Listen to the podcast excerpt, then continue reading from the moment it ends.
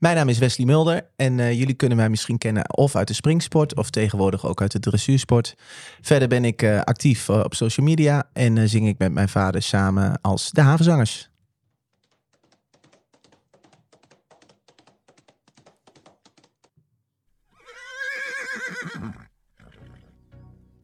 Podcast De Tweede Hoefslag. Ja, leuk dat je kijkt of luistert naar weer een nieuwe aflevering van de, onze podcastserie De Tweede Hoefslag. En we zijn vandaag in Ermelo, want Ja. daar was eh, Wesley eh, hard aan het werk. Eh, Wesley, wat was je hier aan het doen vandaag? Ja, ik was even vliegende kiep vandaag. Ze hebben orenexamens en toen hadden ze eigenlijk nog een aantal mensen nodig die wat mee zouden rijden in de lessen. Ik zit natuurlijk niet, niet heel ver uit de buurt, Apeldoorn. Dus toen belden ze mij en zeiden ze kunnen niet een paar opladen en een paar lesjes mee rijden. Ik denk nou, rijden moet ik toch vandaag, dus dan doen we het in Ermelo. Ja, Ja. ja. want normaal gesproken komen we inderdaad naar jou toe, maar Ja. eh, had je gewoon niet eh, goed opgeruimd de boel thuis? Ik had er thuis zo'n bende van dat ik dacht, eh, we gaan een mooi kamertje in Ermelo betrekken. Ja, ja, ja, ja, helemaal prima. Helemaal prima. Want we gaan hier ook nog een leuk filmpje opnemen voor de mensen die een premium abonnement hebben voor Ja. Hoefslag. Waarin jij wat goede tips gaat geven. Dus ja, ik, dat komt, eh. Ja, dat komt helemaal goed. Ehm, we beginnen de podcast met een eh, bekende eerste vraag. En dat is, eh, weet jij nog jouw eerste ontmoeting met een paard? Ehm, de allereerste ontmoeting met een paard weet ik niet. Maar een- een van de ontmoetingen die mij nog wel bijstaat is ja, dat spikkelpaard zeg maar in Slagharen. Daar heb ik ook die foto van. Toen was ik heel klein. En daar moest en zou ik ook op zitten. En ja, daar hebben we een foto van. En bij mijn oma heeft hij altijd eh, op de open haard gestaan. En thuis hebben we hem ook. En dat was wel een van de ervaringen, denk ik, die ik op beeld in ieder geval eh, ja, bij me draag of weet eh, hoe het zit. Ja. Was dat de liefde op het eerste gezicht? Nou, het was wel van jongs af aan. Ik ben gewoon opgegroeid in een woonwijk. Dus niet echt in het buitengebied of zo dat je al paarden om huis had. Maar van jongs af aan denk ik wel dat eh, paard eh, zeg maar het rijtje lievelingsdieren zat. Ja. En hoe, hoe kwam dat? Want je zegt, ik ben er niet echt mee groot geworden. Nee, is eigenlijk niks, geen aanleiding bij ons om eh, paarden zo leuk te vinden. Oké, mijn vader heeft vroeger altijd wel gereden tot aan 15, eh, 16 jaar. Toen eh, ging hij andere dingen doen. Maar daar was op het moment dat ik over paarden begon, ehm, thuis eigenlijk niet veel van bekend. Dus eh, ze hebben mij wel op voetballen gedaan en op de scouting gedaan. Maar ik wou graag paardrijden eigenlijk van jongs af aan al. En ik weet nog, Ehm, de dokter vond mij te jong. Die had tegen mijn moeder gezegd: Je moet niet zo jong beginnen, want dat is niet goed. Als ze dan al hè, in dat zadel zitten. En nu maakt dat volgens mij allemaal niks meer uit. Maar toen vonden ze dat. Hoe oud was dat toen dan? Nou, ik eh, begon denk ik wel met 5, 6 dat ik dat eh, wou. En toen kon ik met 7 mee met de buurmeisjes. Ja, die zullen denk ik, ik weet het niet hoor, maar die waren toen voor mijn idee heel groot. Maar die waren denk ik 16 of zo. Hier aan de rand van het buitengebied in Apeldoorn had je Ome Nol. En die had eh 30 paarden en ponies. Het was één grote puinhoop daar eigenlijk. Maar dan mocht je voor 5 gulden de hele dag eh, een beetje met die ponies eh ahoeren en erop zitten en een ritje maken en een stal uitmesten en vegen. En eh, ja, vanuit daar ben ik een jaar geweest en toen naar de manege. Gaaf. Ja. En, want ja, je zei het al een klein beetje, opgegroeid in een woonwijk. Jouw vader wel al jong nog paard gereden. Maar Ja. wat, hoe zag jouw jeugd eruit? Wat voor gezin ben jij groot geworden? Nou, mijn vader was meestal aan het begin eh, weg, want die deed natuurlijk toen aan de havenzangers. En het was eh, toen echt wel eh, bijna elke dag dat hij wat te doen had daarmee. Nu is dat voor hoofdzakelijk weekend geworden. Maar vroeger had je drie, vier tv-programma's per week en dan de gewone boekingen. Dus ik ging, ja, ik had de school op loopafstand. Echt drie minuten, twee minuten denk ik. En ehm, ja, ik heb eigenlijk wel, vanaf dat ik mij kan heugen, op zowel basisschool als middelbare school, eigenlijk uit school direct, wou ik naar de paarden. En met acht, eh, negen kreeg ik een pony, Quinter. En die is net eh, vorig jaar overleden. Hebben we al die tijd eh, gehouden. Want En, hoe, eh, hoe oud ben je nu? Ik eh, ben eh 35. Ik ben 35. Ja. Dus die is lang bij ons geweest. En eh, ja, ik ben dus eigenlijk altijd vanuit school. Ik denk dat ik school ook wel een beetje verwaarloosde. Ja, dat weet ik eigenlijk wel zeker. Ik kon wel iets meer leren dan dat uiteindelijk geworden is. Maar ik wou graag paardrijden. Dat Dus, hoor je vaker. ja, ja. En eh, oké, ik had van, vanuit huis niet direct eh, alle kansen dat wij eh, nou ja, een, een, manegebedrijf of iets hadden. Of, dus ik moest wel echt eh ehm, ervoor op pad, zeg maar. Ik had wel op jonge leeftijd al wel een eigen pony en later een eigen paard. Oké, in dat eerste paardengedeelte waren dat niet paarden waarvan je zegt dat was van die, die kwaliteit waar je echt wat mee kon. Alleen eh, dat heeft mij wel direct geleerd om door te zetten en toch maar uh, eruit te halen wat erin zit. Of misschien net niet in zit, maar wat je toch misschien uh, nog eruit kan krijgen. Ja, en wie zijn jouw leermeesters geweest in die tijd? Um, dat zijn er best wel een hele hoop. ik heb, ben wel op veel plekken geweest, ook door school. Ehm, ik ging paardenhouderij doen. En nou, daar was ik eigenlijk ook wel na anderhalf jaar een beetje mee klaar. Want toen ik uren moest besteden aan een verslag over hoe ik uh, kunstmest op het grasland moest doen en dan moest horen, dacht ik, ja, ik wil dat allemaal niet, ik wil paardrijden. dus uh, toen ben ik aan het werk gegaan, uh, eigenlijk wel vrij jong. Um, en ja, ik heb veel tijd, als ik het aan het begin moet zeggen, waar het echt een beetje begon, veel tijd bij Rien en Inge doorgebracht van de schaft. Mm -hmm. En daar om kwam de ik, hoek, denk ik? Ja, om de hoek. Ja. Dat was prima te fietsen. En daar kwam ik als stagiaire en toen ben ik wat blijven plakken. En uh, ik heb hele lange tijd natuurlijk op stal gezeten, waar de springcarrière begon uh, bij Gertjan Brugging. Ja. Oh ja. ja. En heb jij nog specifieke dingen die je dan altijd zal meenemen, die je denkt van, oh ja, dat zei Rien toen tegen mij of zo bijvoorbeeld? Um, ja, ja, ik denk dat ik in het dagelijks leven nog wel heel veel dingen toepas die ik overal gezien heb, uh, waarvan ik heel goed weet wat voor goeds het mij brengt, of waarvan ik dacht, nee, ik zou dit graag anders willen. En ik ben ook wel en dat vind ik soms een beetje moeilijk aan nu. Ik heb heel veel geëxperimenteerd. Dus uh, dan ging ik paardrijden en dan dacht ik, wat gebeurt er als ik dit doe? En dan dacht ik, dit geeft niet zo'n fijn gevoel. Dat, dat zal wel niet goed zijn. Mm. En dan ging ik wat anders proberen. En nadoen, heel veel nadoen. Dus ik weet nog, als ik iets grappigs moet zeggen, als ik toen ik bij Rien en Inge liep en ik ging wel eens mee op wedstrijd, dan zag je Rien bijvoorbeeld binnenkomen. En Rien heeft, denk ik, nu is het iets anders met passierzadels, maar die had vroeger echt hele platte zadels. En um, nou, als je daar dan wegkomt, dan ben je ook anti-kniewrong, want dat is allemaal slecht. Althans, dat neem je dan in het overdrevene over natuurlijk, want hun hebben dat niet. En uh, Rien kwam altijd binnen en dan stond hij op X en dan deed hij één keer de been iets los van het zadel en dan ging hij van start. Ja, dat zal zijn ding geweest. Zal hij een idee bij gedacht hebben. Ik had daar geen idee bij, maar ik ging wel hetzelfde doen. Ja, ik deed heel erg kopiëren. En dan dacht ik het gevoel eraan koppelen, wat brengt dat? En uh, ja, zo heb ik heel veel dingen gekopieerd. En misschien niet goed gekopieerd of gekopieerd en naar mijn idee verbeterd. Um, en daar heb ik een eigen dingetje van gemaakt. Maar jij was dan niet zo'n jongen die dan vroeg van... hé hey Rien, waarom doe je dat? Um, nou, toen was ik misschien iets minder praats, ja. Toen deed ik heel veel, als, die, als Rien tegen mij zei... zo is het en uh, zo moet het. Dan zei ik niet ja, maar waarom? Dan deed je gewoon luisteren. Mm -hmm. en, dus uh, tegenwoordig iets anders, denk ik. Tegenwoordig uh, is dat nogal vrij lastig. Dan weten ze het allemaal heel goed. Mm -hmm. Um, ik denk dat de middenweg goed is. Dat je je vragen kunt stellen.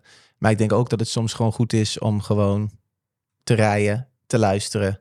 En dan na die tijd. Ja, ik vind het toch heel moeilijk als je niet onder de knie hebt om en te praten en te doen en te. Ja. Moet ook gewoon proberen. En Ja. het is sowieso natuurlijk gewoon een moeilijk spelletje, omdat het oog en het gevoel is ook weer een heel ander ding. Dus ja, Hey, je begon je zin eigenlijk over dat nadoen en dat proberen van... dus tegenwoordig misschien wat lastiger of zo, zei je? Wat, wat bedoel je Ehm, daarmee? Nou, eh, ik denk dat tegenwoordig. ehm, ik had toen geen social media, Mhm. dus ik had niet een ideaal plaatje. En ik had niet, eh, zeg maar, eh, een gedoe over trainingssystemen. Dat was er allemaal niet. Dus ehm, ja, Anki won alle medailles en daaromheen, ja, daar, daar, daar trok iedereen zich een beetje aan op als het over de dressuurwereld moet hebben. En nu kun je zoveel informatie opdoen op social media of waar dingen mensen zeggen dit is goed, dit is slecht. Dat eh, denk ik kinderen of in ieder geval ruiters al veel gekleurder zeg maar eh, ergens terechtkomen. Ik was ja een kleurplaat die kon je helemaal inkleuren zoals je zelf wou. En eh, ja, ik heb daarna wel een paar kleurtjes uitgegumd hoor. Ik heb het toch een ander kleurtje gegeven. Is het maar, een mooie kleurplaat geworden? Het is uiteindelijk ehm, een kleurplaat geworden waar, waar van alles wat op te zien is. Of is hij nog niet af? Ja, ik weet het niet. Ik, ehm, ik denk dat, het, dat de kleuren wel aardig op de goede plek zitten. Alleen je blijft hier en daar altijd een keer misschien net over de lijntjes. Of, en ja, je wilt het gewoon perfectioneren. Moet dat ook niet een beetje, denk je? Ja, ik, eh, als ik iets eh, over leermees moet hebben, dan heb ik... Ik, ik reed landenwedstrijd in Drammen. Dat was 2017, als ik me niet vergis. En er was Piet Rijmakers mee met de Japanner. En toen zei Piet tegen mij over Ratina. Die had één geluk gehad in haar leven. Dat was toen ik hem pas kreeg. Ik weet de leeftijd niet meer, maar ik geloof dat hij 35 zei. Toen ik 35 was. Want als ik hem had gekregen toen ik 25 was... ehm, dan had ik dit waarschijnlijk niet op de goede manier kunnen doen zoals ik nu gedaan heb. Want die Mary, ja, die vergt gewoon heel veel geduld. En hij zei, daar had ik daar met 25 jaar het geduld niet voor gehad. En ik denk, ik, ik baal er soms van dat ik eh, nu, dat je nu dingen weet waarvan je denkt, had ik die tien jaar geleden maar geweten of gedaan, dan was het allemaal iets makkelijker geweest. En dat is denk ik ook een beetje het moeilijke aan het spelletje soms. Je probeert het goed te doen, maar we moeten het allemaal wel leren op een levend wezen. Ja. Dus ja, ik heb ook op bepaalde paarden foute beslissingen genomen. Ervaringsvak. Ja, Ja. En Ja. baal je daar dan van dat je dat verkeerd hebt gedaan? Dan denk je van nee, dit, dit hoort er inderdaad bij. Het is met vallen en opstaan. Ehm, beide. Eh, maar soms baal ik er wel van, omdat ik, omdat ik denk, ik had het misschien voor het paard op dat moment beter kunnen doen. En Mm. ik heb alles wel gedaan uit eh, mijn gevoel naar het paard toe. Dus ik ben niet ontevreden of baalde van hoe ik bepaalde paarden behandeld heb. Dat heb ik helemaal niet. Alleen ik heb wel, om een simpel voorbeeld te noemen, ik had toen ik net begon met springen een paard dat ZZ wel een beetje de max was. En die had wat moeite in de driesprong. En ik ging thuis driesprong oefenen en ik maakte die driesprong extra hoog en moeilijk. Hm. Dan dacht ik, dan valt het op concours mee. Nu, 15 jaar later, denk ik, ja, zou ik het thuis juist heel makkelijk houden, zodat hij vertrouwen heeft en op concours kan. En dan op concours, dat ene keer dat tandje erbij springen, dat lukt dan vaak wel. En dan thuis weer terug naar makkelijk, dat ze daar vertrouwen in krijgen. Dat zijn van die dingetjes dat ik denk, als ik dat toen had geweten, had ik het voor die paarden nog beter kunnen doen. Ja. Want is er dan een goed en fout in, in jouw ogen? Ehm, dat vind ik ook moeilijk. Ehm, want ik denk, zolang je alles doet met de beste intenties en eh, dat je het gewoon graag goed wil doen voor je paard, is er denk ik niet zo snel een goed en fout. Daarbij denk ik dat paarden een van de meest groot vergevingsgezinde dieren zijn die er zijn. Want als ik dingen zie gebeuren soms, ook bij mezelf hoor, of een keer in een afstand dat je denkt, oh, dit kan bijna niet en dat ze het toch proberen op te lossen voor je, dan denk ik dat, eh, dat een paard dat op zich, dat is mijn aanname, maar na alles, het idee eromheen, best wel zo vergeven is. Ehm, maar soms vind ik het eh, wel jammer dat ja, er zijn honderd boeken over geschreven, maar ja, toch maak je soms net op een cruciaal moment een verkeerde beslissing, waardoor het soms verkeerd kan uitpakken. Maar zolang je dat met de beste intenties doet, is het niet goed of fout. En hopende leerde van, dan doet de volgende keer beter. Ehm, ik had nog wat stellingen voor je opgeschreven. Ja. Ehm, en de eerste daarvan, eh, die is misschien eh, wat simpel, maar misschien een moeilijke keus. Dressuur of springen? Ehm, nou, als ik het helemaal eerlijk moet zeggen, dan zeg ik, vind ik best wel lastig. Maar goed, als ik echt moet kiezen, dan is het springen. Ik vind springen het leukst. Eh, daar heb ik ook wel echt heel veel plezier aan. Alleen ik vind het gewoon leuk om met een goed paard te werken. Mhm. Dus als ze mij morgen een heel goed eh, tweespan brengen en waar ik op kan leren of kan doen, vind ik het ook heel leuk. Als er morgen geen wedstrijden meer zijn, wil ik ook graag blijven paardrijden. Dat is voor heel veel mensen ook wel anders, denk ik. Die leven ook voor de wedstrijdsport en voor dat gevoel van ik ben de beste of voor het gevoel van mijn training komt helemaal tot de uiting en ik kan mij meten met de rest. Dat heb ik ook wel, maar ik heb gewoon heel veel plezier aan, paard, aan paarden op zich. Dus of het een goed dressuurpaard is of een goed springpaard, vind ik niet zo belangrijk. Als ik het dan andersom moet zeggen, ik zit liever op een goed dressuurpaard dan een slecht springpaard.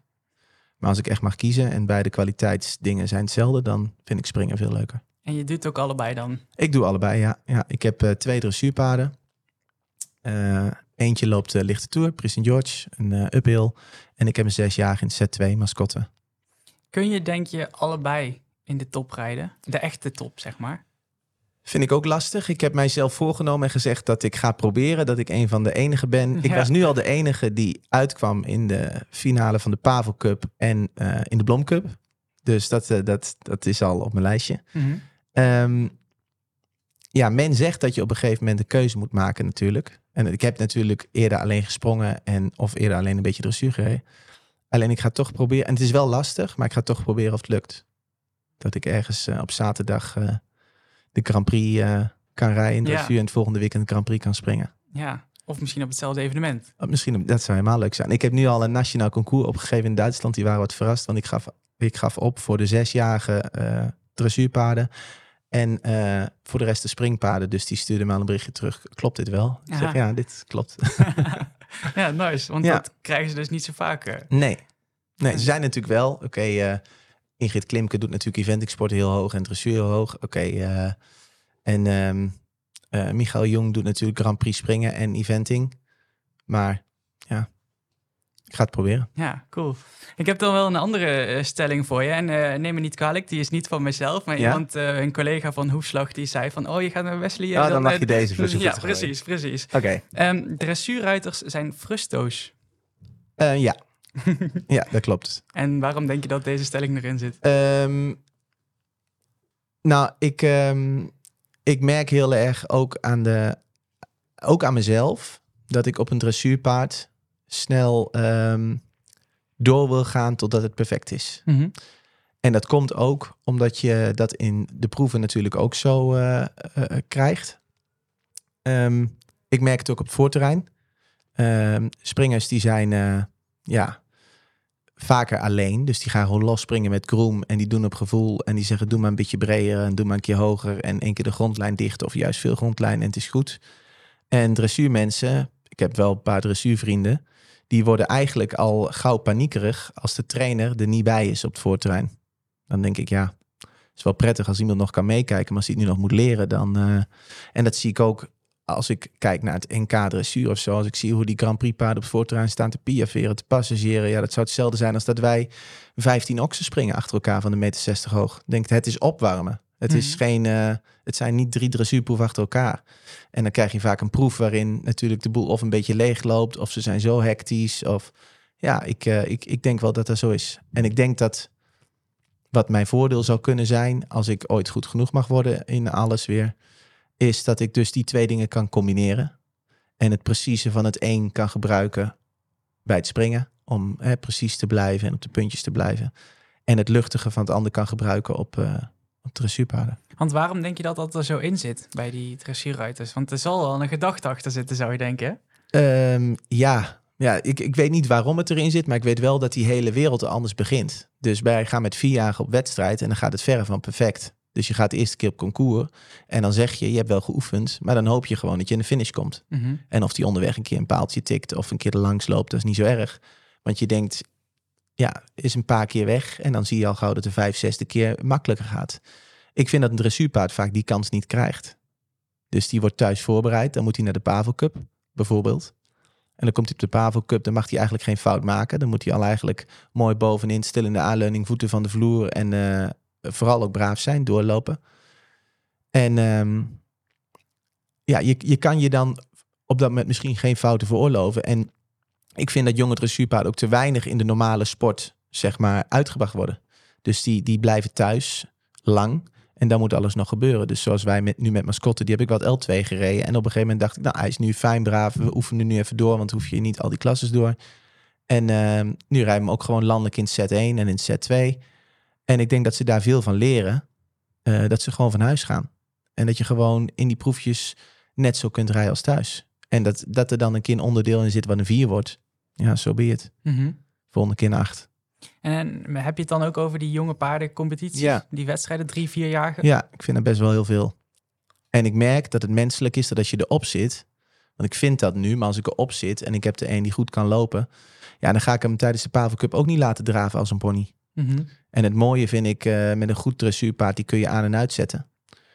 Ehm, en ik denk voor het lichaamsbehoud enzovoort, zodat je weet dat knopje er zit, zoals Mascotte heeft echt een turbo knopje. En die probeer ik zo min mogelijk op te zoeken. Want eh, hij blijft langer heel, denk ik. Hij Mhm. blijft gewoon relaxter in het werk. En als die sterk genoeg is om dat te kunnen doen, dan, eh, ja, dan komt hij eigenlijk door het goed, goede rijden vanzelf naar voren.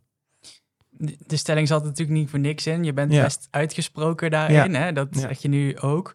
Ehm, merk je dan ook dat dat lastiger is in de dressuurwereld dan in de springwereld? Om je mening te geven bijvoorbeeld? Ehm, nou, ik merk het niet zo. Want eh, ik eh, ben dan wel eens mee met een aantal uh, dressuurmensen op wedstrijd. Of, eh, en dan ga ik gewoon langs de kant zitten. Of zoals was met de Venda. En dan ging ik in Rotterdam mee. En dan kijk ik mee op voorterrein. En dan eh, ja, ben ik ook vrij simpel. Dan zeg ik eigenlijk alleen als ik meekijk van... nou, ik vind misschien een klein beetje meer door rechts... of zorg dat een beetje meer naar voren blijft. Want die kunnen natuurlijk allemaal echt wel paardrijden. Die hoef je echt niet meer op voorterrein te leren... hoe ze moeten piaferen passagieren. Alleen je kan wel spiegelen en zeggen hoe het eruit ziet. Mhm. En op dat moment telt één dingetje. Dat is als je de proef in gaat, hoe ziet het eruit? En wat is gewoon eh, het beeld? En dat wil je zo, zo optimaal mogelijk hebben, denk ik. Alleen als ik kijk naar andere, of naar veel dressuurmensen... en naar social media, dan zie je maar heel weinig grote discussies over springruiters. En heel veel discussies over dressuurruiters, maar ook dressuurruiters onderling. Of ze nou nu met de jeugd in een oranje jas moeten, terwijl ze liever een blauw aan hebben. Of dat ze eh, het NK eh, de score naar boven bijstellen, terwijl die al tien jaar lang naar beneden bijgesteld wordt. En dan denk ik heel simpel, als jij je dus druk maakt omdat je die 68 hebt gehaald. Ja, met alle respect, wees blij dat deze rubriek erbij gekomen is. Want als je niet hoger gekomen bent dan 68, wat al vrij hoog is hoor, laten we dat niet, eh, dus ik bedoel niet dat, dat ze niet kunnen paardrijden. Ja, op het NK onder 72 ga jij niet in de kuur komen, bij wijze van spreken. Dan moet je echt over die 70 heen. Mhm. Dus dan denk ik, wees dan blij dat die extra rubriek er is. Maar dan maakt iedereen zich druk. En iedereen gaat op de KNS of op wie dan ook zitten uitschelden op internet tot in den treuren. Dat ik denk, ja, ik snap je helemaal niks van. Bij het springen is daar echt niet aan de orde. Nee. Ik snap dat je teleurgesteld bent dat score naar boven is. Maar ja, aan de andere kant denk ik, wees dan blij dat je in ieder geval nog kan rijden. Het prijzengeld blijft hetzelfde. Iedereen mocht kuur rijden. En dan zeggen ze, ik heb speciaal een kuur laten maken. Bijvoorbeeld was ook een heel veel. En dan denk ik bij mezelf, nou, klein beetje naïef als je ooit 68.03 hebt gereden. En de anderen die erboven staan, de eerste tien zaten allemaal rond de 72. Ja. Ja, dat vind ik wel iets naïef. Dan, denk ik, dan kun je er heel veel gefrustreerd over doen. Maar dan denk ik, dan wees dan gewoon heel blij dat die extra rubriek er is. Want dan kun je die kuur ook uit de tas pakken. En dan kun je hem in ieder geval lekker rijden. Ben je dan iemand die zich mengt in zulke Nee. discussies? Ik, af en toe doe ik het wel. Alleen ik vind het dus eh, heel slecht ook voor de sport. Mhm. En heel slecht voor ehm, ook onder elkaar. Want ik vind eigenlijk moet je elkaar juist ehm, ehm, nou ja, toejuichen met bepaalde dingen. En positief dat proberen op te vatten. Wil niet zeggen dat je alles weg moet stoppen. Alleen ik vind dat wij heel gauw eh, nou ja, elkaar eh, afvallen zonder dat je ooit op een paard hebt gezeten of dingen zeggen. Ja, die, eh, die kan niet rijden, want die had altijd de mond los. Of dat paard is dit of dit of zus of zo. Ik denk, ja, je bent er eigenlijk nooit bij geweest, maar je vindt er wel een hoop van. Het is menselijk. is ook Van het hele plaatje, hè, want je moet er wat van vinden, want je wordt ook beoordeeld. Ja. Dus Ik had hem eigenlijk voor later in de podcast, maar ik denk, gooi hem er nu maar even in. En social media is een ellende of een aanwinst voor de paardensport? eh, ik vind voor de paardensport, ik doe er zelf ook veel mee, vind ik het eh, denk ik meer een ellende. Ehm, en daar doe ik één kort voorbeeld bij. Ik zie eh, een, eh is een poosje terug, een influencer die zelf eigenlijk maar heel normaal paard rijdt. En daarmee bedoel ik gewoon leuk voor de hobby. een foto tevoorschijn trekken waarin een eh, paard die eigenlijk in een heel mooi beeld gereden wordt, maar wel met de mond iets open. Ehm, ja, dat willen we allemaal niet, denk ik. We willen allemaal de mond gesloten. Dat is het ultieme wat je wil, is een mooi bergop of in een goed evenwicht gaand paard met een mooi gesloten mond, oortjes mooi naar voren en de staart los erachter. Lukt niet altijd. Alleen dan vind ik, dan moet je eigenlijk het bewegende beeld bijzien. Hè? Dus probeert zij mooi van de hand af te rijden en neemt hij dat nog niet goed genoeg aan, maar doet ze wel het juist om het beter te krijgen? Of pak je die momentopname en zeg je, hij heeft zijn mond los. Dan gaan dan al die kids overheen vallen. En die zeggen, ja, dit mag niet. De mond los. Terwijl ze thuis nog niet eens op het goede been kunnen liggen rijden. Ja, vind ik wel ellende. Ja. En vind ik wel echt verkeerd om. En dat had ik vroeger allemaal niet. En, maar je zegt wel, ik ben er zelf ook wel mee bezig. Ja, ik gebruik social media ook. Mhm. Dus voor dat soort Vrij dingen... veel volgers. Ja, ja, dus voor dat soort dingen vind ik het ook wel weer... eh, ja, je kan je ook heel veel juiste dingen op profileren. Mhm. Alleen, ik denk dat eh, voor de paardensport is het wel eh, ja, moeilijk hoor, denk ik. Ik bedoel, als je die beelden ziet, bepaalde beelden, ja, dan vind ik dat soms best lastig ook te beoordelen. En als ik dat dan verder door moet trekken, dan sta ik ook wel eens op het voorterrein. En dan kunnen we allemaal heel Hosanna doen met elkaar. Maar ik heb laatst hier, om, bij de Pavel Cup was één meisje aan het rijden. En daar, ging echt, daar vond ik echt nergens over gaan. Dan vind ik het ook gewoon te lang duren voordat de steward er wat van zegt. En toen heb ik zelf gezegd, als u er nu niet wat van zegt, dan zegt u zelf wat van. En dan zeggen ze, wilt u een beetje op uw rijstijl letten? Ja, vind ik een goeie, maar voor mij mag dat veel eerder. En ik snap het, want als je gaat losrijden, je, weet, weet, ik veel, je, bent al heel vaak de beste geweest op voorterrein loopt hij als een krant. Dat kan. Dat je dan een keer gefrustreerd raakt en niet helemaal bij zinnen bent en niet helemaal doorhebt wat je allemaal doet. Dan kan ik begrijpen dat zo'n moment komt. Maar dan moet je daar wel op tijd op aangesproken worden. Je bent allemaal mensen. Mhm. En ik vind voor, voor de sport moet dat veel meer zijn dat je elkaar erop kan aanspreken van goh, ik denk dat je niet doorhebt hoe het eruit ziet, maar moet misschien even iets dimmen. Ja. In de vorige aflevering sprak ik met Janine Nieuwhuis. Die zei ook van, ik denk wel drie keer na voordat ik iets online zet. Ja, vind ik ook niet goed. Nee, dat snap Want ik, als ja. het zo goed is wat je doet en als je het goed kan veroorloven en gewoon goed kan uitleggen, dan moet je het eigenlijk kunnen posten en zeggen: dit en dit is het beeld, hier en hier wil ik naartoe en hierdoor doet hij het. Nu zie je dat mensen so foto's gaan posten en expres een keer de sporen afdoen of blijven kriebelen en blijven aaien en dingen om dat beeld te creëren. En dan denk ik, ja, het beeld moet wel zo zijn zoals het is en dat moeten we met z'n allen wel kunnen verantwoorden. Mhm. Dus eigenlijk zeg je, ik doe de sporen af, want dat wil ik niet op social media. Maar waarom doe je ze dan af? Vind je het dan eigenlijk of zielig? Of zeg je, ik moet ze eigenlijk niet gebruiken? Of zeg je, de opinie van de mensen is dat ik ze niet moet gebruiken? Ja. Denk, ja, je kan ze gewoon omhouden en het uitleggen. Of je doet ze af en je rijdt er niet mee, ga je het zonder doen. Maar ik vind het dan iets hypocriet om de sporen aan te houden. En bij wijze van spreken sp- een prikje te geven en de foto te doen, of de video te doen en dan sporen af. Omdat het eh, Ja. vriendschappelijker uitziet. Mhm. Even voor duidelijkheid, dit ging niet over Janine. Nee, nee, nee, nee, nee, ja. nee. Maar ik bedoel als Ja, voorbeeld. nee, snap het, ja. eh, dat heel veel mensen dus gaan nadenken wat ze erop posten. Mhm. En ehm, ik denk dat iedereen dat doet. Want ik praat dus nu niet alleen over Janine, maar ik doe het zelf ook. Want Ja. ik kijk zelf ook, die foto vind ik minder mooi, die vind ik mooi. Dus Snap ik, ja. ben er zelf net zo schuldig aan. Alleen soms denk ik er wel eens over na dat ik denk, ja, je moet eigenlijk ook bij de opleiding van een paard zitten ook minder mooie momenten bij. Die momenten kunnen nog steeds vanuit harmonie eh, en vanuit een goed oogpunt, eh, nou ja, een keer tevoorschijn komen. Maar elk paard gaat een keer ergens tegenin of zal een keer moeten horen dat hij zegt sorry, maar we gaan toch echt even er wel langs. Ja, dat hoort erbij. Is bij kinderen denk ik net zo. Tenminste, ik weet niet welke ouders hun kinderen opgevoed hebben. En een kind heeft altijd gezegd, ja, ik ruim mijn kamer op en moet ik ook mijn schoenen nog ergens neerzetten, mama. Nee, dat moet je ze ook vertellen. Ja. Nou ja, met, met, met dat soort posts op social media zijn, worden ook natuurlijk alleen maar de leuke dingen laten Word je zien. ook doodgegooid, ja. En ze eten allemaal een fruitapje op en niemand vraagt meer om een lolly Nee, nee, tegenwoordig. nee, ik nee. wel vroeger. En als ik hem niet kreeg, dan eh, pakte ik hem stiekem uit de kast. Natuurlijk, ja. Dus ik weet niet of jij in jouw Instagram-feed eh, mensen hebt met kinderen, maar dan, eh, Ja, ik kom ze wel tegen. ja. Ja, dan zie je dat ook, ja. ja, denk ik. en ik heb het al gehad. Eh, ik heb een, nu is die één, maar een hond. En dan zitten we in een groepsapp. En dan zag ik alle beelden voorbij komen. En dacht ik, oh, die luisteren allemaal beter dan die van mij, dacht ik. En dan hebben ze die stukjes, want die van mij luistert ook best oké. maar er zit ook momenten in dat ik hem roep en dat hij gewoon echt denkt, ja, doei, loopt hij gewoon door. Maar toen kwamen we bij elkaar met de wandeling. En toen zag ik ze allemaal, toen dacht ik, die van mij luistert best wel oké. Valt best wel mee. Ja, Dus ja, doe je allemaal, denk ik wel. ja, nice. Ik wilde je eventjes ehm, eh, wat laten horen. Oké. Naast mijn zang- eh, en zingen carrière doe ik natuurlijk ook eh, paardrijden, heel druk. En toen was ik van het paard afgevallen op tweede paasdag. Krijg je dat van elkaar? Nou, eigenlijk, ik weet het ook niet. Ik was rustig aan het uitstappen, lang teugeltje en in één keer schrok hij. En eh, binnen no time lag ik ernaast en toen was mijn hele rug van boven tot onder zwaar gekneusd. Alarmfase rood, ja.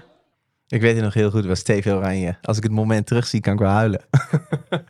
Wat dan? Ja, dus ik vond dat verschrikkelijk zoals ik daarbij stond. Maar goed, ik denk dat iedereen dat wel heeft die 10 of 15 jaar terugkijkt. Maar ik weet ook nog precies waar dit was. Dit was in Enter. En het was zelfs zo, maar dat vond ik heel dom om te zeggen, dat hij schrok van een vogeltje bij de deur. En ik had gewoon de teugeltjes lang. En ik lag zo eh, aan de andere kant op de grond. Ja. Ja, want even voor de duidelijkheid, jij stond hier niet als ruiter. eh, Nee, dit stond als interview. ja. ja. ja, En ehm, je, ja, dat hoort er natuurlijk ook bij, hè? Eh, je valt van een paard. Ehm, was dat ernstig toen? Eh, nou, ik had wel even een paar dagen goed last, maar ernstig was niet. Hm. Dat ging wel. Alleen eh, toen heb ik het op een gegeven moment, moest ik ergens die avond, ik weet niet eens hoe het kwam, zingen. En toen hebben we gebeld en toen stond een week later of zo ergens, belden ze me op van party of privé. Wat is er gebeurd? Ik zei nou, ik ben er afgevallen en het ging best wel hard. Ik had mijn rug zwaar gekneusd. En eh, toen stond er volgens mij een paar dagen later ergens in Party Wesley Mulder beleefde iets van of bijna doodervaring of zeer angstige momenten. of het werd helemaal uitvergroot. En naar aanleiding daarvan ging ze mij die vraag stellen. Ja, leuk uit die media. Ja, ja, ja maar jij hebt ze nodig. Ja, Dus. ja, ja, ja. Soms moet je ze iets geven. Ja, nou, dat kregen ze dus. Ja, ja. Heb je het eh, eh, tegenwoordig eh, ook nog daar zo mee bezig met dat soort bladen en dat soort media? Ehm, ja, oké, soms heb je natuurlijk wel wat te melden. En dan is het leuk als ze daarover schrijven. Ah, ja. Dus als je een nieuw liedje hebt of iets dergelijks, dan wil je natuurlijk wel graag dat er aandacht voor is. En soms, eh, ja, dan willen ze ook gewoon iets van je weten. Mhm. En ik vind soms dat mensen dus alleen maar de leuke dingen willen doen. En soms zit er ook gewoon een vraag tussen. Als je dan iets bekender bent die je minder leuk vindt. En dan denk ik, ja, dan moet je dan ook maar een antwoord op hebben. Je kan ze natuurlijk niet alleen maar gebruiken voor de leuke dingen. Nee. En als ze iets hebben wat kan scoren, ja, dan zul je ze toch ook een antwoord moeten doen. Ja, En dan zeggen ze heel vaak, ja, sorry, maar het is mijn privéleven. ja. Ja, Ja. ja. ja. want even voor de duidelijkheid, eh, jij zit hier natuurlijk als ruiter, maar je bent ook Ja. zanger. Ehm, heel veel mensen zullen jou van de een of van het ander kennen of van allebei. Ehm, laten we even luisteren waar ze jou van kunnen kennen. Oh, Althans, wat voor liedjes de havenzangers hebben. Nou.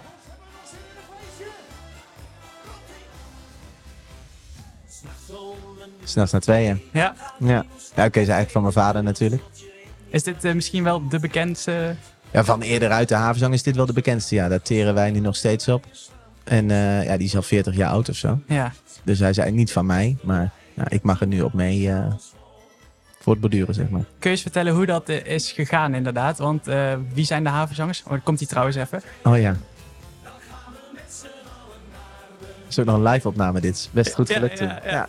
Dat is wel Ehm, van jou, toch? Ja, is, dit. Is, dit doen wij. Ehm, dat is gekomen doordat ehm, mijn vader heeft, nou ik weet het niet precies hoor, maar dus ook bijna iets van 40 jaar of 38 jaar de havenzangers gedaan. En dat kwam tot een einde, jammer genoeg. En toen heeft hij een jaar alleen gedaan. En dat eh, ging minder goed en voelde zich ook minder prettig bij. En eh, toen hebben we samen een liedje. Toen hielp ik hem met de tekst van een liedje. Toen gingen we dat samen zingen. En toen kwam het idee om het dan misschien samen wat te doen. Dus eh, ja, dat doe ik nu, even kijken, sinds 2008, denk ik. Hoe combineer je dat? Nou, soms eh, makkelijk, soms iets moeilijker. Zoals nu aankomende week eh, ga ik eh, op wedstrijd in Duitsland. Maar dan staat er op vrijdagavond een optreden. En op zaterdagavond één. Dus dan neem ik een auto mee en dan rijd ik drie uur heen en drie uur terug. Meen je? Ja. En ja, is dat, ja, het is te doen, want anders zou je het niet doen, maar Nou, ik hou er meer aan over door heen en weer te rijden als door niet heen en weer te rijden, zeg maar. Dus daarvoor is het te doen. financieel. Hier financieel, ja. ja. Ehm, alleen, ja, ik word er niet op dat moment heel blij van natuurlijk. Alleen aan de andere kant geeft het optreden mij ook wel wat meer vrijheid. eh, waardoor ik keuzes heb kunnen maken in de paardensport die ik anders niet had kunnen maken. Dat snap ik. En waarin uit zich dat dan? Bijvoorbeeld paarden kunnen kopen? Eh, eh, nee, want dat doe ik eigenlijk niet. Maar het uit zich wel in bepaalde paarden niet hoeven aannemen. Of met bepaalde paarden zeggen, sorry, ik ga hier niet mee verder. Of met bepaalde eigenaren zeggen, sorry, maar uw plan strookt niet met de mijne. En dat komt omdat ik dan met het zingen eh, een stukje mijn, eh, mijn inkomen kan aanvullen. En dat ik dus niet afhankelijk ben van het trainingsgeld eh, van dat paard. En vroeger was ik dat wel. En dan moest ik wel eens met paarden de baan in, waarvan ik dacht, hij kan je echt niet over. mhm. En dan moest het toch, want ze wouden graag dat hij dat liep. En dan moet je capriolen uithalen om toch bij nummer 12 te komen. Ja. En daardoor wordt het gelijk A, minder paardvriendelijk, vind ik. En B, minder leuk om naar te kijken. Echt wel een dingetje, hè, geld dan in de paardensport. Ja, daar draait alles om Ja. eigenlijk. En eh, ik ben vrij idealistisch ingesteld dat ik dat niet wil. Mhm. Ehm, dus met mijn, mijn eigen paarden, en daar heb ik dus heel van gefokt, eh, probeer ik dat eh, niet mee te laten draaien. Alleen vroeg of laat kom je er allemaal een keer natuurlijk mee in aanraking. Want je moet ze uiteindelijk wel te eten geven. En alles kost geld. En het lijkt wel, ja, het is zo. Alles kost steeds meer geld ook. Dus makkelijk is het niet. Je zegt, ik ben vrij idealistisch ingesteld. Ben je dat meer dan anderen? Ik denk het wel. Ja, en dat is, eh, vind ik goed. Aan de andere kant eh, vind ik het soms ook niet goed. Mm, Waarom? Nou ja, kijk, soms als je bepaalde keuzes maakt of bepaalde dingen doet om wel die drie jagen, ik noem maar wat, zes keer in de week te rijden, dat je hem Mhm. net iets anders ervoor hebt staan op dat moment. En wel je, als je hem wil verkopen, ik noem maar wat, in zo'n driejarige VSN, wat je eerder had, dat is dan nu begin vier. Ehm, dan probeer ik ze voor te stellen zoals ze zijn. En ehm, dan zal misschien op dat moment nog niet iemand er direct naar vragen en zeggen, goh, wil je hem niet verkopen voor veel geld? Ehm, dus ja, soms denk ik, voor het paard vind ik het beter. Voor mezelf vind ik het beter, want ik slaap beter. Commercieel gezien eh, probeer ik het dus aan te vullen met andere dingen. Dus daar is mijn social media en eh, daar zijn de havenzangers. Ja, ja. En ehm, misschien een gemene vraag, maar kun je dan, denk je, als je zo idealistisch probeert te zijn, ook echt de absolute top halen? Dat moet ik nog gaan zien. Want ehm, ik heb natuurlijk, eh, toen ik nog niet zo idealistisch was, om het zo maar te zeggen, al een paar keer goed mee kunnen doen. Eigenlijk altijd maar met normale paarden. En ehm, ik denk dat ik nu beter in de paarden zit, maar ze zijn allemaal nog vrij jong. Dus de vraag is, kun je natuurlijk dat hele spelletje veroorloven tot die tijd, om ze die tijd te geven die ze nodig hebben? Eh, want hoe meer tijd ze nodig hebben, hoe meer geld het kost. Hoe Ja. groter het risico wordt, dat als ze het dan uiteindelijk niet gaan waarmaken, dat ze geld gekost hebben. Ja. Ja, want veel mensen zullen misschien zeggen, nee, dat kan niet. Je moet dat Ja. echt, zeg maar, op die manier doen. Want anders, je moet over lijken gaan, et et cetera, et cetera. Ja, ik denk wel dat eh, topsport eh, niet altijd leuk is. Mhm. Dus het zal ook een moment komen voor je paard eh, dat, het, dat, hij, dat hij het misschien als wat minder leuk ervaart. Denk aan dat hij een zware proef moet springen. Je moet ergens een keer een grensje over dat ze een keer hun lichaam voelen. Ik bedoel, dat moet je allemaal. Ook als je zelf gaat sporten, kun je wel steeds aan 20 kilo blijven trekken. Maar ja, uit de nood een keer 50 aan hangt, word je ook niet sterker. Dus dan kun je wel denken, ik voel het nu een paar dagen, maar dan moet je wel doorheen. Tweede vraag is alleen, jij bepaalt zelf dat je die 50 kilo eraan wil hangen. Wie zegt dat het beest zin heeft om die 1,55 te springen? Ja, dat is iets wat groeit. En ik, ja, ik, ik, ik zie wel echt verschil nu. Bijvoorbeeld als ik een voorbeeld moet stellen. Ik heb nu een zesjarige. Daar ben ik twee jaar dat ik mee aan het werk ben heel blij mee geweest. En nu als zesjarige valt hij een klein beetje, noem het maar, door de mand voor wat ik ervan wil. Dus daar heb ik nu de keuze voor gemaakt dat ik daar iemand voor ga zoeken die eh, met hem gaat doen wat hem goed past. En ik merk dat als ik onderweg ben in het parcours, dat hij als het hoger wordt, niet zo hard zelf meer aantrekt. En dat ik hem een klein beetje moet motiveren. En ook wel eens best wel moet motiveren. En vroeger ging ik dan maar door. Omdat ik dacht, ja, ik kan ook niet tegen die eigenaar zeggen van... ja, dan was je hem kwijt, plus inkomsten kwijt. Ja. En nu is hij van mezelf. Dus zeg ik, nou, misschien moet eens kijken. Er zitten veel goede punten aan. Hij is mooi, hij is super te rijden. Dat er iemand voor vinden die max die hoogte wil springen. En dan heeft, komt paard tot zijn recht. Eigenaar is er blij mee. Want als ik hem morgen verkoop aan iemand die ook die verwachting heeft die ik heb, die wordt niet blij. En ik heb er weinig aardigheid aan om van hindernis 1 tot hindernis 10 eh, zo'n dier achter de broek aan te zitten. Ja, nee, snap ik. En nu juist alles zo onder zo'n vergrootglas ligt, hè? ook met paardenwelzijn, Ja. et cetera. Vind je dat dan ook nog extra belangrijk om dat uit te stralen? Ik vind het niet belangrijk eh, om dat eh, uit te stralen. Eh, want ik vind eigenlijk dat het zo... Nu hoor je ook, ja, bijvoorbeeld over dressuurrijden... om dat weer terug te zeggen iedereen... ja, het moet toch steeds meer lijken alsof het vanzelf gaat. Nou, Mhm. volgens mij is dat eeuwoud. Ja, Slaat helemaal nergens op. Dat was 100 jaar geleden al. Dressuur, als je klaar bent, als je de training klaar hebt... in die zin, als ze opgeleid zijn... dan moet het lijken of het vanzelf gaat. Dat is met een mooi springparcours ook. Als ik Marcus Ening zie... die heeft altijd zijn paarden goed voor elkaar. Jeroen Dubbeldam overigens ook bijvoorbeeld. Dat ziet er altijd uit alsof dat vanzelf gaat. Als een mes door de boter. Dat dat niet vanzelf zo geboren is, dat er trainingsuren in zitten, dat weten we allemaal. Ik bedoel, dan moet je trainen. Er zit ook een minder mooi moment tussen, maar uiteindelijk zou dat je doel zijn.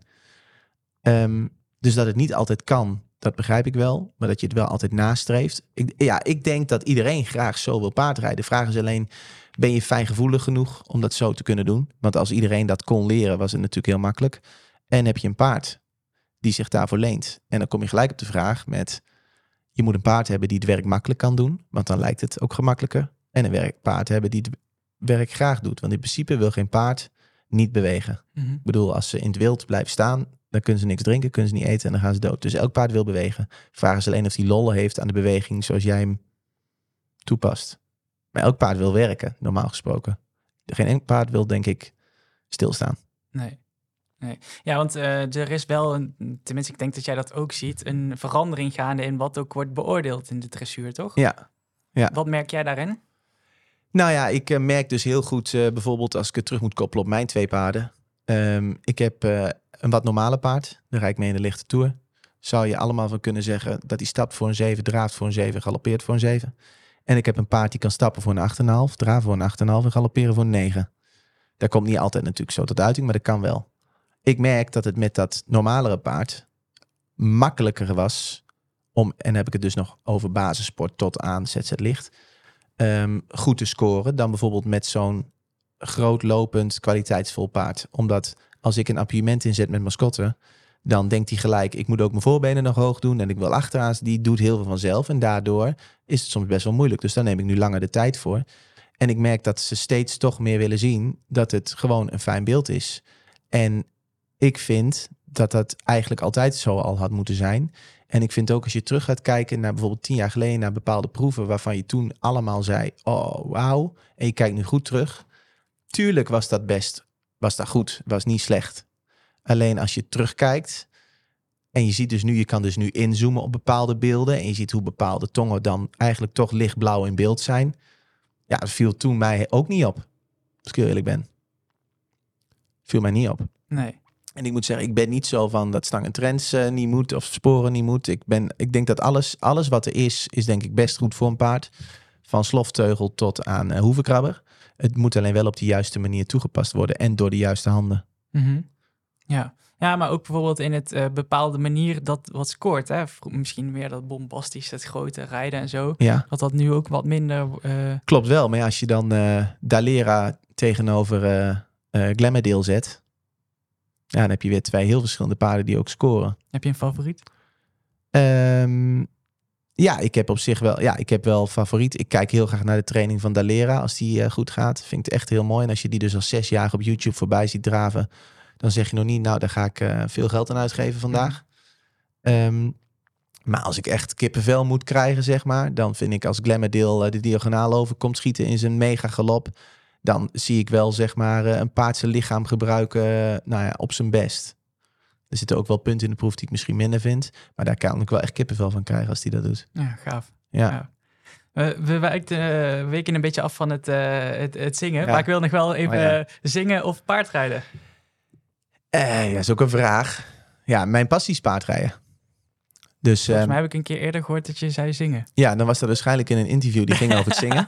En nu is het over paarden. Zingen, nou ja, het is best lastig als je dus zeg maar ehm, ergens staat. Ik noem maar wat bij een radio of een dingen waar ze natuurlijk Ja. je platen moeten draaien. En dat Ja. je eigenlijk zegt, ja, als ik moet kiezen jongens, dan maak ik voor jullie geen plaatjes meer, dan ga ik paardrijden. Dus ik denk dat ik vroeger wel eens gezegd heb dat ik liever zou zingen. Ik moet er wel bij zeggen, dan heb ik waarschijnlijk de kanttekening gemaakt dat ik dan liever ga zingen en paardrijden voor de hobby. Mm. denk ik. Ehm, als ik nu zou moeten kiezen en ik zou morgen 250 boekingen hebben en ik kan niet meer zo paardrijden als nu, zou ik dat ook wel doen. Ja? Dan zou ik met mijn eigen paarden die ik heb verder gaan, want het is niet zo dat je de hele dag mee bezig bent. Dus dat ik nog een halve dag rij. Ehm, en dan eh, echt mijn geld verdienen met zingen, want het is lucratief veel betere business. Om met minder inspanning kan ik meer geld verdienen op dat moment. En het geeft me de vrijheid om dan met die paarden het nog beter, makkelijker te kunnen doen. En als geld geen rol zou spelen? Als geld geen rol zou spelen, dan zou ik mij de hele dag druk maken om een paard of acht. Ah ja, ja. Want dat is dan wel echt... En dan zou ik ze het liefst zelf opzalen, zelf verzorgen. Hoef ik me niet meer te ergeren als iemand de hoeven niet uitgekrapt heeft en iets over het hoofd heeft gezien. Of dat hij op stal staat met een ijzer eraf of dingen. Ja, dat vind ik soms wel een dingetje. Ik ben Perfectionistisch. Ja, en dat is niet altijd heel makkelijk. Toen ik mijn pols brak, niet zo lang geleden, en ze gingen thuis mijn paarden doorrijden, wat iedereen met volle overgave deed, was ik de eerste twee weken niet heel aardig. Dan zei ik gewoon als ze voorbij kwamen rijden, ik was echt gefrustreerd dat ik niet op paard kon, want ik heb eigenlijk, zolang ik dus kan heugen, altijd paard gereden. En of ik ziek ben of niet ziek, ga altijd op paard.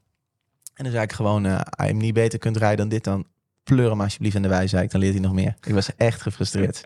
ik heb later wel sorry gezegd. Oh, gelukkig. Maar, eh, ja, maar eh, ja, nee, ik wil echt. ik denk, als je mijn moeder vraagt, dan zegt hij eigenlijk, ja, als we op vakantie gingen, dan was ik op de heenreis eigenlijk al bezig wanneer we terug konden dat ik weer kon paardrijden. Hmm. Dat heb ik nog steeds. Als ik een week op vakantie ben, dan denk ik, ja, leuk, ik wil naar huis. Ja, heb ik echt. En waar ben je dan, ja, is misschien lastig om voor jezelf te zeggen, waar ben je meer getalenteerd in? Als in, wat bedoel je? Dus zingen of paardrijden? Nou, ik heb eh, niet echt eh, mega zangtalent, vind ik. Ehm, ik weet ook niet of ik een heel groot talent ben, eh, zeg maar, op paard. Ik vind het ook best wel moeilijk. Van wat is talent? Ik denk wel dat ik mij vol over heb gegeven om zo goed mogelijk te worden in paardrijden. En ik heb mij denk ik half overgegeven om zo goed mogelijk te worden in het zingen. Kun je nagaan wat je nog kan bereiken? Eh, ja, misschien wel. Ehm, maar ik vind zingen leuk om te doen. Ik vind het leuk om met mijn vader samen te doen. Als mijn vader morgen zegt ik ga het niet meer doen, die vraag is me ook wel eens gesteld. Dan weet ik niet of ik eh, dat zou blijven doen bijvoorbeeld. Alleen, ja. Ja, paardrijden wel. Maar zingen weet ik niet. Ja, ik ben dat toen gaan doen. Om, ja, een beetje meer om met hem te doen. En ik zag dat hij zich ook niet... Hij heeft jarenlang natuurlijk met meerdere mensen. Ik zag dat hij zich niet prettig voelde op een podium. Toen dacht ik, ach, dat, doe ik dat wel een beetje. Dus ietsjes ehm, eh, te simpel gezegd. Maar zo kwam wel een beetje op neer. Ja, veel mensen die deze podcast luisteren, die zullen jou denk ik kennen van paardrijden. Ja. Maar je bent volgens mij ook best bekend van het zingen. Ja. Eh, is dat een beetje te, te vergelijken, zeg maar? Waar ben je misschien, ke- kennen mensen jou eerder van? Ehm, dat ligt een beetje aan de tijd. Soms als je een leuk liedje hebt die het goed doet, dan krijg je in één keer, zoals ik zat eh, afgelopen jaar in Alles Kunnen Vips op SBS, dan krijg je heel veel mensen die je daarvan herkennen en Ja. die daarvan op gaan toevoegen. En als je dan weer een aantal paarden hebt die, ehm, die goed zijn, om het zo maar te zeggen, heel plat, en je rijdt mee, dan zeggen ze allemaal weer, ja, maar Westie Mulder, ja, die kan wel een stukje paard rijden. Dat doet hij mooi, die heeft ze mooi voor elkaar. En als je dan een keer eentje hebt wat gewoon wat moeilijker is, dan zeggen ze, ja, die is het wel een beetje kwijt. Ik denk, ja, volgens mij ben ik nog steeds dezelfde. En dat vind ik echt paardenwereld. Ja. Dus je bent zo goed als je laatste rondje. En als je morgen eentje uitgebeld hebt omdat hij blauw eng vindt en de andere die, die loopt een keer drie af.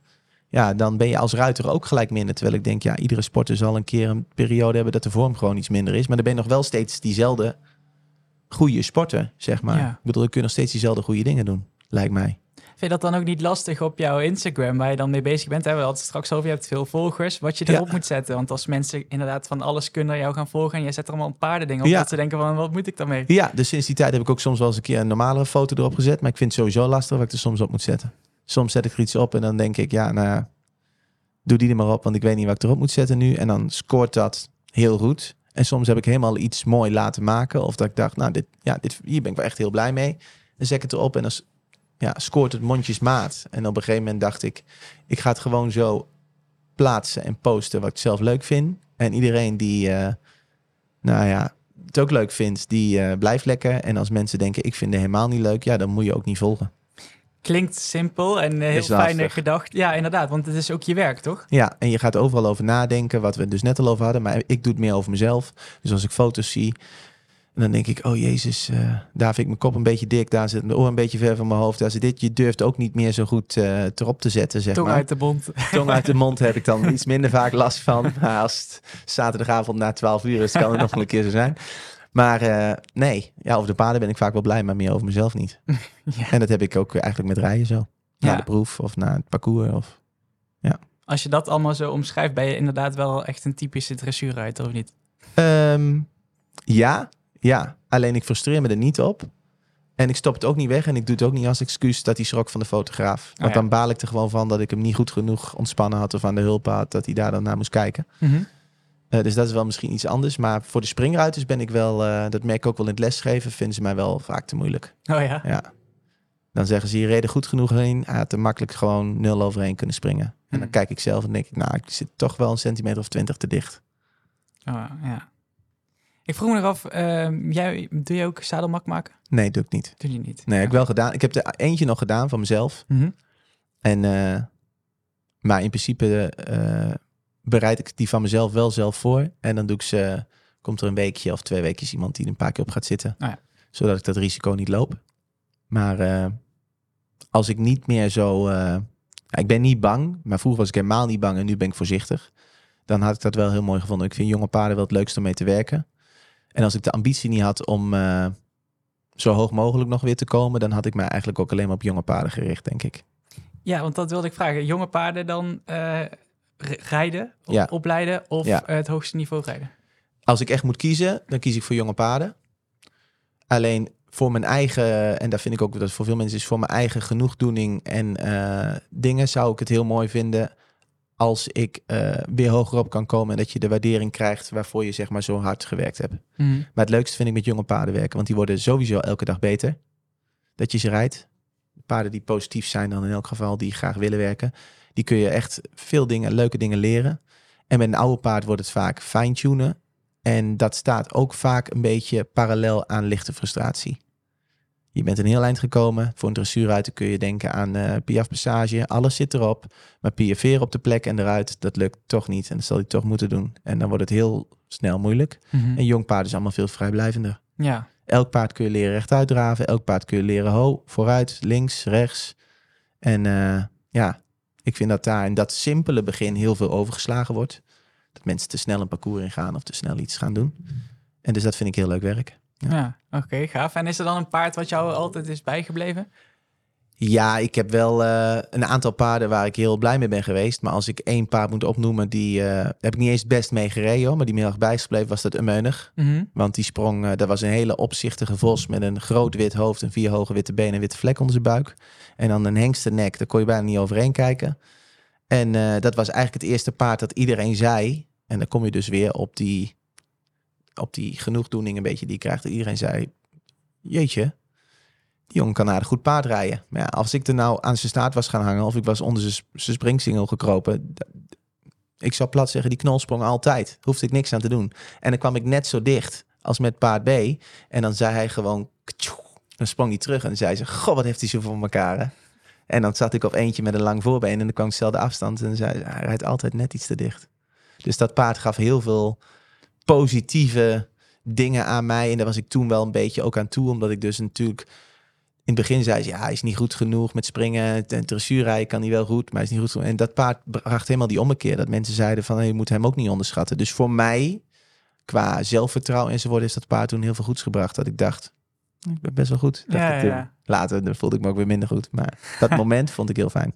Gaaf. Zullen we er nog eentje in gooien? Oh ja, dit wel. hè? Ja. Dit kan naar alles kunnen. Het is niet echt een hoofdstandje zingen dit hoor. Ben jij dit? Nee, dit is Job. Waar het liedje eigenlijk van was. En dit ben ik met mijn vader. Ja, dit, dit kent denk ik iedereen, hè? Dit kent iedereen, ja. Ja.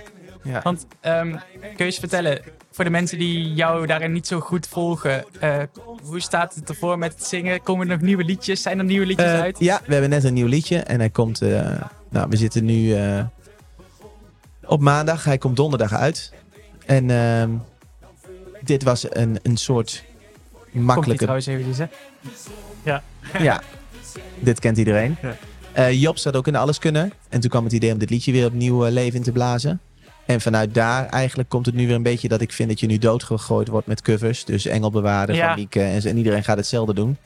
En eh, toen hebben we eigenlijk gezegd, we gaan nieuwe liedjes maken. En dat is wel moeilijk. Dus Mhm. we hebben nu eh Emil Hartkamp, die onder andere voor Frans Bauer, eh Jannes, heel veel eh, mensen schrijft. Heeft voor ons een paar liedjes gemaakt. En we hebben twee, naar ons idee, beste uitgekozen. En daar komt de eerste nu vanuit, dus geheel nieuw. En eh, ja, dat is een iets langere weg. Oké. En eh, dit scoort natuurlijk als ik dit op zaterdagavond in de feesttent zing. Dan, is dat, dan doet iedereen mee. ja, en, en verwacht je dat dan ook van die liedjes op de langere termijn? Of Ah, vind je het gewoon leuk om dat erbij te hebben, De extra repertoire? De bedoeling is met die nieuwe liedjes natuurlijk dat die ook zo bekend... Kijk, als je, als je een eigen liedje zo bekend krijgt als dat... dan kun je natuurlijk je leven lang vooruit. Ja. Want dan ben je het leven lang bekend van dat liedje. En met covers is dat natuurlijk moeilijk. Maar je hebt wel altijd een aantal covers nodig. Om natuurlijk... Kijk, als je alleen maar nieuwe liedjes gaat doen van een nieuw album of iets dergelijks... dan krijg je natuurlijk geen zaal aan de praat. Nee. Dus je moet een beetje afwisselen. Dat ze nog in de sfeer hangen van jij bent de zon. En dan gooi je die nieuwe erachteraan. Denk ze, oh, dit klinkt eigenlijk ook wel gezellig. Doen ze Mhm. mee.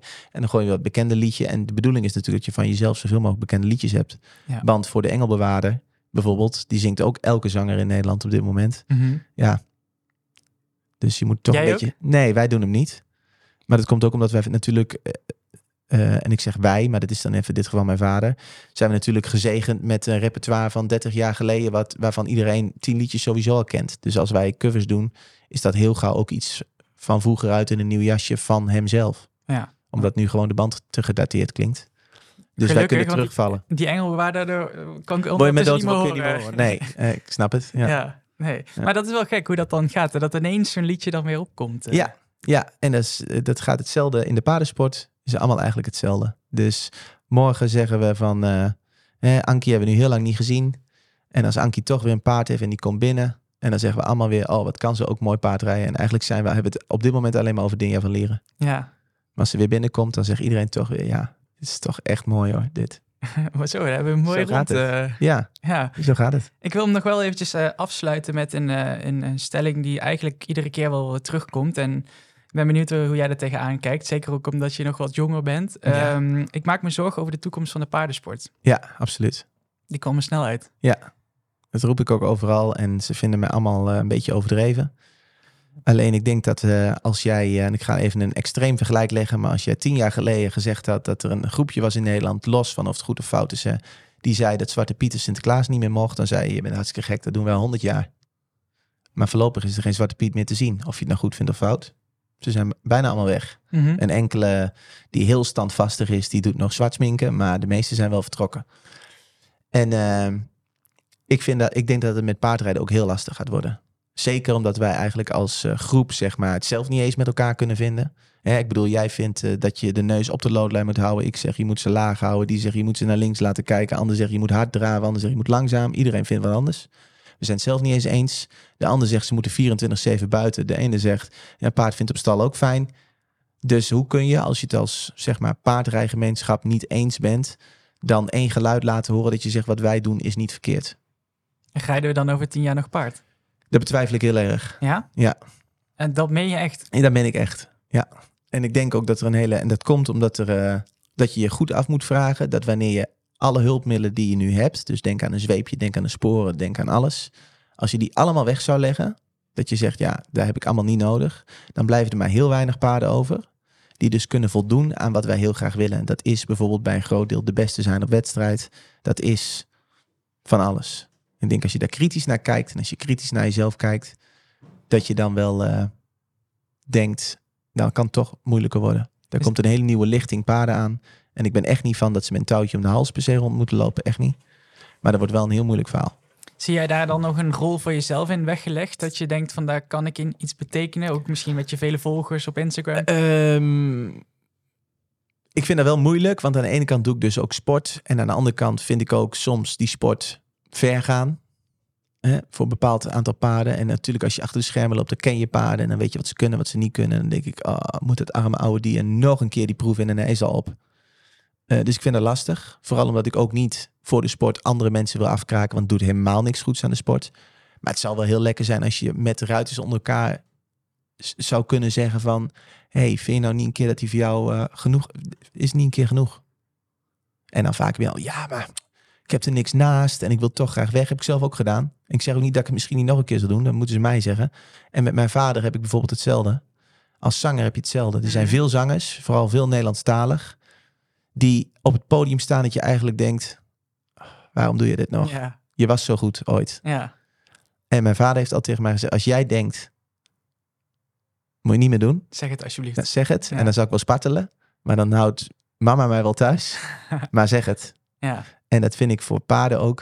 Vind ik met alles. Ze stoppen vaak op het moment dat de resultaten minder worden. Of eh, je zou het verder door kunnen trekken met bepaalde dingen. Maar ik vind, je moet zorgen als je het goed wil doen, dan moet je stoppen als hij het goed genoeg gedaan heeft. En dan zeg je, ook al heb je er niks achter, goed is goed.